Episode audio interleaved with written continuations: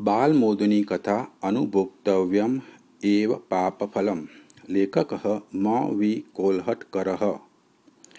चन्द्रः नाम चोरः चौरकर्मकलाकोविदः रक्षकभटेभ्यः आत्मानं रक्षन् सः।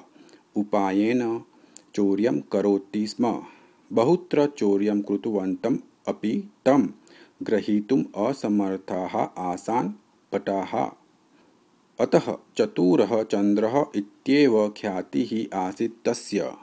कदाचित् तेन लक्षाधिकानि रूप्यकाणि प्राप्तानि चौर्येण। सः तत् धनं सुरक्षिते स्थले स्थापयित्वा निश्चिन्ततां प्राप्नोत्।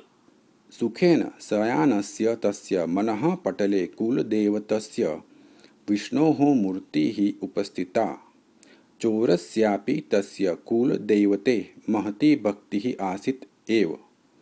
अतः सः अचिन्तयत्, एतदवसरे अहं समग्रं धनं भगवतः पादपद्मे समर्पयिष्यामि इति। ततः सः विष्णुमन्दिरं गत्वा दानपात्रे समग्रं धनम् अर्पितवान्।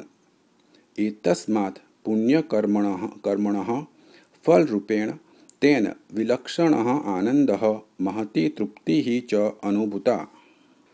गच्छता कालेन सः मरणं प्राप्नोत्। यमभटैः सह चित्रगुप्तकार्यालयं प्रति नीतः चित्रगुप्तः तस्य पापपुण्यादिविवरणं परिशील्य अवदत्। लक्ष्यरूप्यकाणां यत् चौर्यं कृतं तस्य निमित्तं मासात्मकः नरकवासः दण्डः एतस्य इति। तत् श्रुत्वा चोरः चन्द्रः अवदत् मया तावत् धनं चोरितम् इति तु सत्यं किन्तु तत् समग्रं मया भगवते अर्पितं तत् तु पुण्यकरं कार्यं। यत् पापम् आचरितं तस्य दुष्फलं पुण्यकर्मणः कारणात् क्षालितं भवेत् खलु? अतः मया नरकवासः अनुभोक्तव्यः नास्ति इति। तदा चित्रगुप्तः अवदत् यत् पापम् आचरितं तन्निमित्तं नरकवासः अनुभोक्तव्यः एव। अतः एव मया भवतः नरकवासदण्डनम् आदिष्टं।